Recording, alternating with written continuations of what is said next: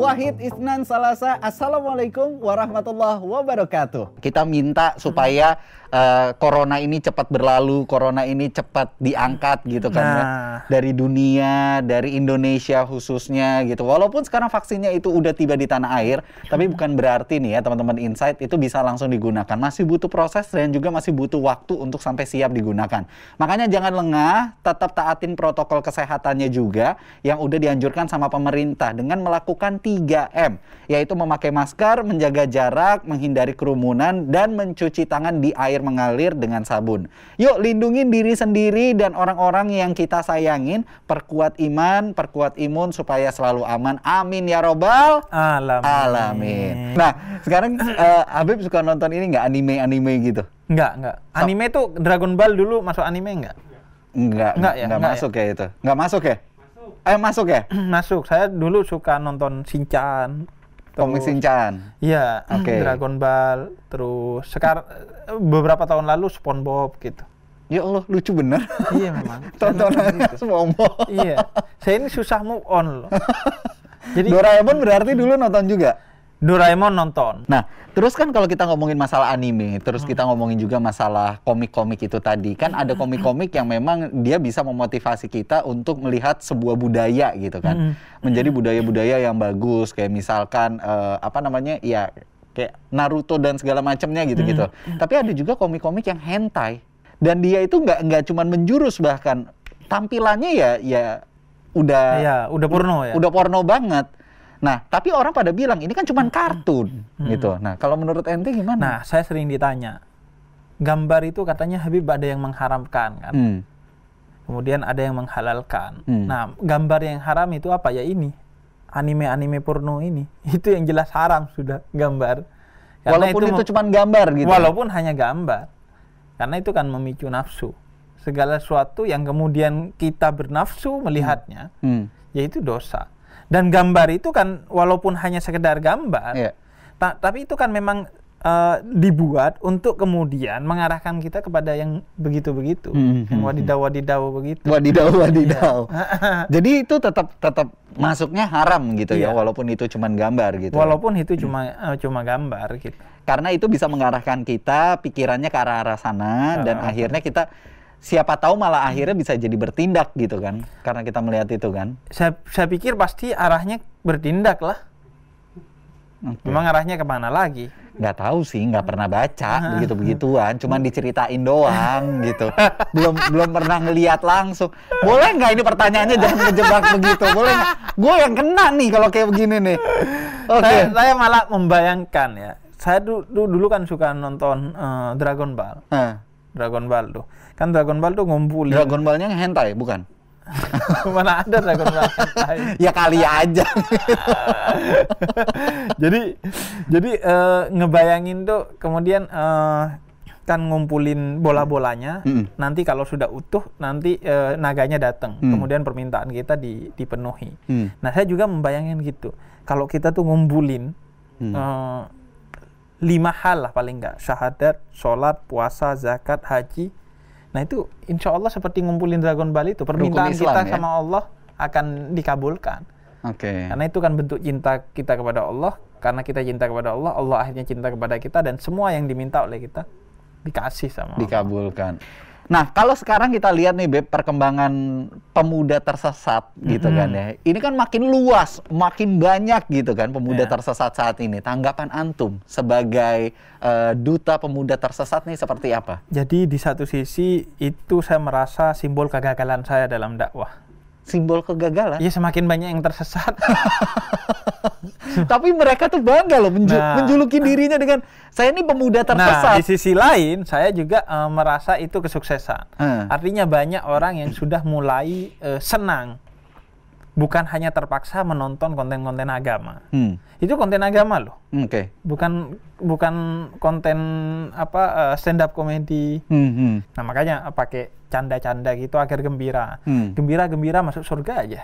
Hmm, Oke. Nah, jadi menyenangkan karena banyak semakin banyak orang yang kemudian eh, ya mau menonton konten agama Hmm. tanpa terpaksa, tanpa eh, berat hati tapi dengan enjoy dengan menyenangkan. Hmm. Eh, tapi eh, di sisi lain ini mulai banyak sudah pemuda tersesat yang mulai canggih nih pertanyaannya. Apa contohnya? Misalnya ya, eh, Bib bagaimana cara keluar dari maksiat? Hah. Nah kalau di kemarin ini mereka masih nggak tahu maksiat apa. Nah sekarang sudah tahu maksiat apa, bagaimana cara keluarnya. Hah.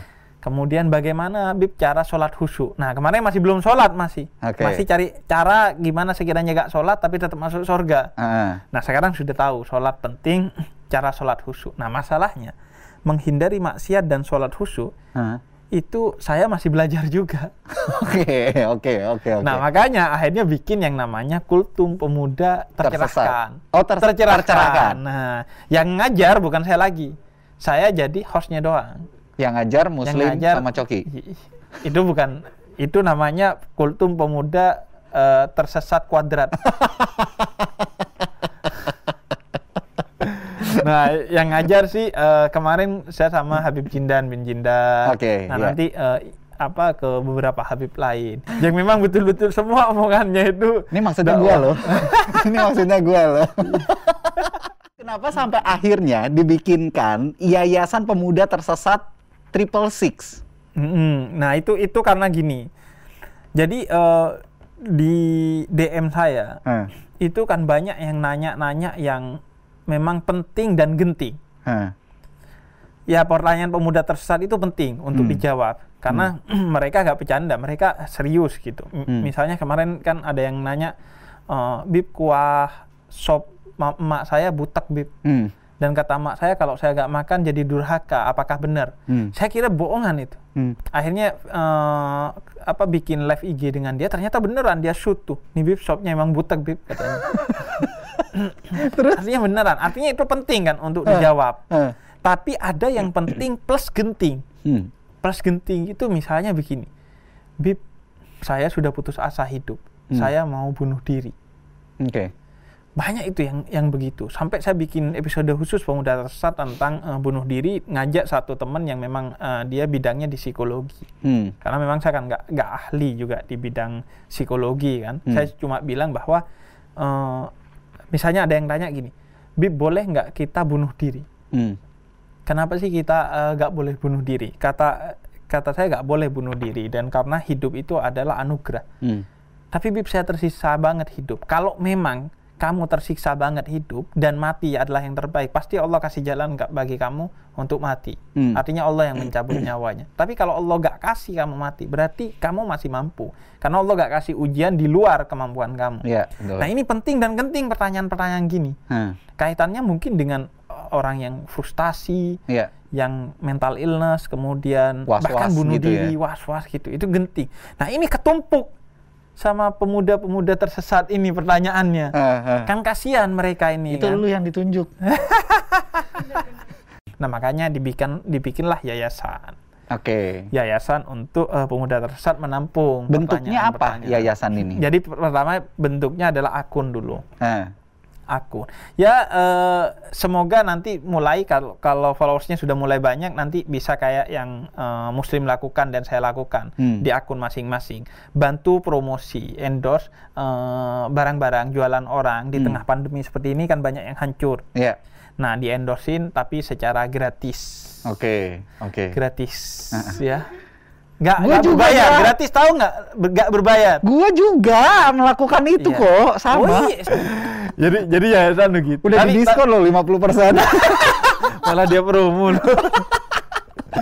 Jadi tapi saya nggak ber- eh, tapi ya tentu jangan berharap eh, Coki juga.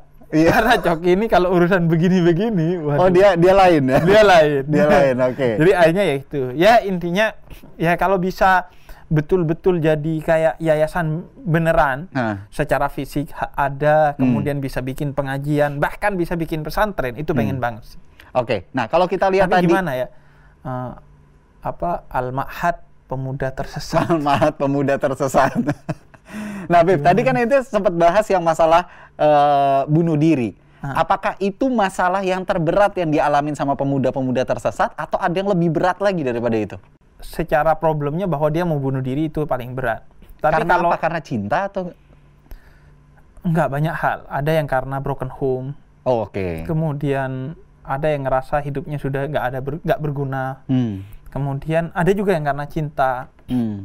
Makanya fanatisme itu nggak boleh biar biar nggak timbul hal-hal dan masalah-masalah seperti ini kan Betul, betul. Tapi yang juga eh, genting yang kalau itu kan hanya di DM gitu kan Hmm. atau di eh, via WhatsApp gitu misalnya Hmm. tapi ada yang pernah datang langsung ke rumah Mampir ke rumah. mampir ke rumah Oke. bukan bukan mampir ya dia kayak surprise gitu Oke. jadi kan bukan ke rumah ke toko buku saya Iya, iya. jadi tok- saya toko buku kan dikasih alamat kan Ha, ha. Nggak mungkin toko buku nggak dikasih alamat. Iya, iya. Nah bentuknya rumah toko buku saya itu. Hah. Nah itu dikasih alamat. nah dia ternyata langsung datang ke depan rumah. Hmm. Awalnya dia eh, ngubungin saya di DM. Hmm. Bib saya mau bunuh diri begini, saya saya mau mati pokoknya saya frustasi begini. Kata saya kasih nasihat nasihat, dia nggak puas gitu. Hmm. Akhirnya saya mau ke rumah Habib, waduh, kata saya jangan. Cowok apa cewek? Itu saya waktu itu nggak tahu karena Belum tahu. karena eh, anonim dan fotonya nggak ada. Oke, oke. Nah akhirnya mau ke rumah, oh, jangan. Nah, jangan nggak nggak bisa lah kata kata saya ya ya kan kamu butuh nasihat gitu kan ya Hmm. udah via sini nggak Bib saya harus ketemu Habib buat apa nggak pokoknya ketemu katanya buat apa hmm. ya udahlah akhirnya saya biarin aja Oke. tiba-tiba eh, pagi-pagi tiba-tiba tiba-tiba ada yang ngetok eh, saya di warung tuh di toko buku saya tiba-tiba ada yang di depan assalamualaikum kata dia Aha. kemudian saya buka kemudian gambar reok ponorogo kayak macan gitu kan Iya, iya. kaget saya kan. Aduh, apa ini kata Bib saya yang kemarin itu yang ngubungin Habib Oke. ya Allah kata saya kok bisa ya?" dan bawa tas gede ransel yang gede banget Hah. dan cowok dia Ah. makanya eh, nggak ada kebahagiaan sedikit pun kata saya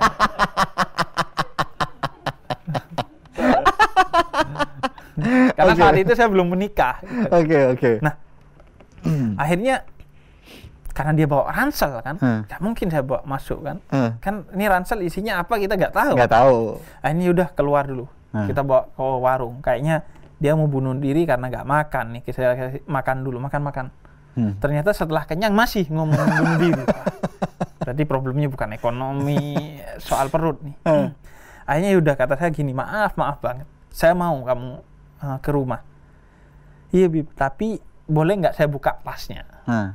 biar sama-sama enak, tidak ada kecurigaan di antara kita. Oh, silahkan Habib katanya. Karena Hmm. orang ini kayak kayak mengambang gitu. Linglung, kayak, linglung. Iya, kayak matanya udah kosong gitu. ya udah dibongkar ternyata dia orang baik-baik. Ah. Akhirnya di rumah. Selama seminggu mungkin ya. Tinggal di rumah. Tinggal di rumah di toko buku saya tuh. Oke. Saya juga tinggal di situ dulu sebelum Hmm. menikah kan. Nah, udah tinggal tiap hari. Ngomong nggak tuh? Hmm. cuman udah dia diem aja akhirnya hari keempat tuh mulai saya ajak ngomong oke ngomong-ngomong kemudian "Eh, kenapa masalahnya ternyata masalahnya dia itu lulus SMA Hmm. kemudian mau masuk kuliah sudah diterima seingat saya di ITB bahkan Hmm. jadi bayangin cerdas banget nih anak Hmm. jadi pemuda tersesat itu sebenarnya cerdas Cerdas. Cerdas. Dia dan gua gak percaya kan Ah. kasih tunjuk sama dia. Nih surat diterima beasiswa penuh di ITB Ah. saya ingatnya ITB atau IPB saya lupa. Akhirnya terus masalahnya apa? Ijazahnya ditahan sama Hmm. sekolahnya Oke. di Ponorogo. Dan dia stres gitu. Hmm. orang tuanya pokoknya masalah lah. Dia intinya nggak bisa orang tuanya. Gimana? Berapa? Katanya. 8 juta. Waduh ini endorse berapa kali Oh murah berarti nih endorsannya. Enggak, enggak, tolong itu di di Hanya dia cerita bahwa dia ini ternyata dari eh, eh, keluarga yang anggota satu ormas Islam di Indonesia. Oke. Ah. Oh gitu, beneran kamu? Beneran dia kasih tunjuk anggota kartu anggotanya. anggotanya. Dia punya kartu pelajar satu ormas Islam. Hmm. Kemudian juga punya kartu anggota satu ormas Islam tersebut karena dia lahir dari kultur keluarga yang seperti itu. Hmm. Hmm. Nah kebetulan semua ormas Islam ini kan saya pernah di sana. Hmm. Nah, kebetulan ormas Islam ini saya men- pernah menjadi eh, salah satu redaksi di majalah dia Oke. dan di majalah lembaga sosialnya lagi. Hmm. Akhirnya ya udah saya telepon. Ah. Kebetulan karena saya pernah di sana. Ah. Telepon. Nih ada umat lo nih. Umat lo. iya. Saya bilang gitu serius. Ah. Ada umat lo nih. Dia butuh duit 8 juta untuk bayar sekolahnya. Kalau kalau memang kamu ada dana, gitu Hmm. kan kamu lembaga sosial juga, langsung telepon ke sekolahnya, jangan kasih anak ini. Hmm. Langsung telepon ke sekolahnya agar aman, bayarin. Karena anak ini pinter sudah diterima di ITB. Hmm. Kayaknya suruh print tuh sama saya. Kartu anggotanya dibawa, eh, beasiswanya di print. Hanya oke, Bib, suruh ke sini aja. Saya naikin Gojek Hmm. ke sana, ketemu dan udah. Beres Dari sana masalah. beres masalahnya. Oke. Tapi masih tiga hari di rumah tuh. Tapi sudah pandangannya nggak kosong. Iya iya iya. Sudah ada. Udah nemuin jawaban soalnya gitu kan. Nggak, nggak- nggak tahu tuh sekarang dia di mana. Semoga lancar lah dia kuliahnya tuh. Nah dia sekarang masih sering nonton nontonin pasti dong. Nggak tahu, nggak hi- hilang kontak udah. Udah nggak pernah komen-komen lagi atau apa pun. Karena waktu itu dia inget banget saya bikin Instagram kayaknya hanya buat ngobrol sama saya. Karena Oh. followersnya kalau nggak salah cuma tiga. Iya, Dan iya. saya tanya kan, kamu eh, apa eh, Mau saya saudaraan ber- enggak saudaraan berapa? Saya tiga bersaudara. Oh kayaknya tiga-tiganya saudaranya semua plus bapaknya satu. Nggak pernah Nah. ketemu lagi. Kalau kita lihat fenomenanya si pemuda tersesat ini, jadi setelah mereka ini lulus gitu dari pemuda tersesat, akhirnya menjadi seorang pemuda yang tercerahkan gitu Hmm. kan, Beb ya. Itu kan bahkan ada menyandang lulusan terbaik summa cum laude.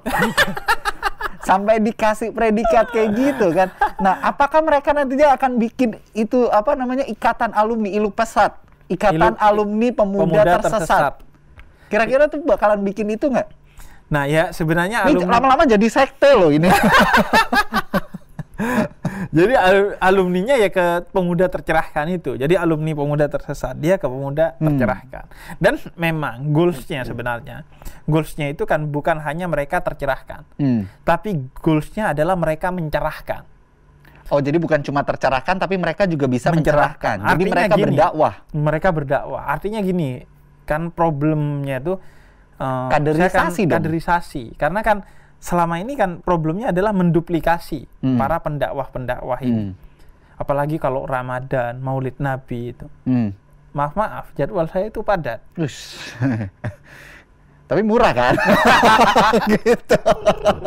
Nggak artinya memang dakwah ini kan butuh eh, effort yang besar, Iya. butuh orang yang banyak Hmm. untuk kemudian mendidik eh, anak-anak muda ini. Hmm. Karena itu goalsnya adalah mendidik orang-orang yang tercerahkan dan bisa untuk mencerahkan. Oke. Nah, jadi goalsnya itu sih sebenarnya. Nah, tapi kan nggak cuma pemuda tersesat, ada juga emak-emak yang tersesat. Ada. Ya kan, Beb?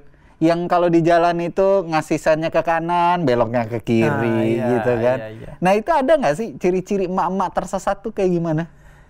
Itu ciri-ciri mak tersesat. Tawa nih mama nih, langsung Dia mama. Ma- Padahal belum jadi mama loh. calon mak-mak. Calon mama. Jadi dia sudah investasi dari sekarang. investasi untuk membangun nama baik mak-mak. Karena akan menjadi mak-mak. Iya iya iya. Nah, kalau mak-mak tuh eh, biasanya yang begini sih, yang dia itu seolah-olah durhaka itu hanya anak kepada orang tua. Ah, Seolah-olah nggak ada durhaka antara orang tua kepada anak. Oke. Padahal durhaka orang tua kepada anak itu ada. Hmm. Yang orang tua tidak memenuhi kewajibannya kepada anak dengan baik, atau orang tua tidak memberi haknya kepada anak. Hmm. Anak ini punya hak nggak diberi haknya, maka itu durhaka. Hmm. Nah itu ciri-ciri pemuda apa eh, emak-emak yang tersesat, yang Oke. ngotot-ngotot, yang merasa dirinya paling benar. Paling benar, Iya, yang iya, iya. anaknya harus jadi bucin bagi dia, budak cinta bagi dia. Jadi- Padahal seharusnya cinta aja gak usah budak. gitu. Mereka itu nggak sadar bahwa membentuk karakternya si anak menjadi seorang bucin gitu, yang Iya. which is itu harus dihindari kan. Itu itu harus dihindari. Dan mungkin mereka juga karena alumni bucin juga. Hmm. Orang tuanya mereka juga mendidiknya gitu dulu. Jadi turun temurun. Turun temurun. Yang diwariskan bukan duit, Hah. tapi kebucinan. Aneh. iya, iya. bukan warisan harta, warisan petaka nih. Iya iya. Kan kita gitu ya, Iya, iya. senioritas kan gitu. Iya. Kenapa kamu ngospek eh, dengan kejam, Ah. salah gitu kepada eh, juniormu? Karena dulu saya juga di ospek gitu, Balas dendam. balas dendam. 90% konflik kata Peace Generation Indonesia Hmm. itu diwariskan. Oke. 10% yang hanya konflik baru. Hmm, hmm, hmm. Nah ini begitu, diwariskan nih konflik, bukan dipotong. Seharusnya pemuda kan agen of change, Oke. agen perubahan. Ini enggak, Berarti kita harus mengikuti zamannya si anak kita itu. betul. Oke. Kita harus aware kepada perkembangan zaman anak Hmm. dan kemudian harus lebih canggih kepada anak-anak kita dalam mendidik sesuai zamannya. Tapi kan untuk kita mengikuti zamannya mereka itu kan bukan suatu hal yang gampang, Beb. Makanya jadi orang tua juga gak gampang. Makanya kalau cuman modal nafsu jangan nikah. Oke. Harus memang modal kedewasaan, kesiapan segala sesuatunya. Boleh nggak pas ngomong nafsunya jangan mukanya ke Ana gitu? Boleh nggak? Ke arah mana gitu yang enak? Ngomong nafsunya kok kayaknya arahnya ke gua banget gitu. Gue berasa dituduh dong. Jadi memang orang tua itu berat gitu. Dia kan Hmm. akan uh, apa uh, dimintai pertanggungjawaban atas kepemimpinannya sebagai orang tua Iya, iya. di keluarga itu. Karena itu memang memang berat. Makanya kalau modal nafsu aja, jangan nikah dulu. Harus memang perlu kedewasaan. Oke. Karena gini, banyak anak yang kemudian dia eh, tersesat Hmm. hanya karena dia kemudian mendapatkan pendidikan yang salah. Hmm. Dia trauma kepada pendidikannya. Hmm. Begitu juga orang, banyak orang yang tersesat hanya karena dia salah mendapatkan dakwahnya. Hmm. Dakwah dari orang yang menimbulkan trauma. Hmm. Hanya dia benci kepada sholat gitu. Karena dulu dididik sholat oleh pendakwa dengan cara yang salah, menimbulkan trauma. Begitu juga orang tua. Hmm. Jangan sampai menyisakan trauma kepada anak dalam pendidikan karena itu orang tua itu secara emosi, secara intelektual, secara kedewasaan memang harus di atas anaknya. Jangan sampai uh, anak uh, orang tuanya sudah emosi, anaknya belum emosi nih. Hmm. Akhirnya orang tuanya uh, terus menghabisi anaknya kan. Iya, iya. Emosi kita harus selalu di atasnya anak gitu. Oke. Saya ngomongin anak kayak sudah punya anak. Tolong, saya belum punya Lah, anak. Tapi kan ini kita ngomongin dari sisi agamanya supaya Iya. kopiahnya berfungsi Betul, gitu kan. betul. Dan Ini- sekarang ada fungsinya kan? Alhamdulillah ada fungsi. ini daripada saya berat jadi dengan ini, jadi lebih baik saya buka aja deh ya. Kok hidup saya jadi berat gitu. Talata Ithnan Wahid. Wassalamualaikum warahmatullahi wabarakatuh.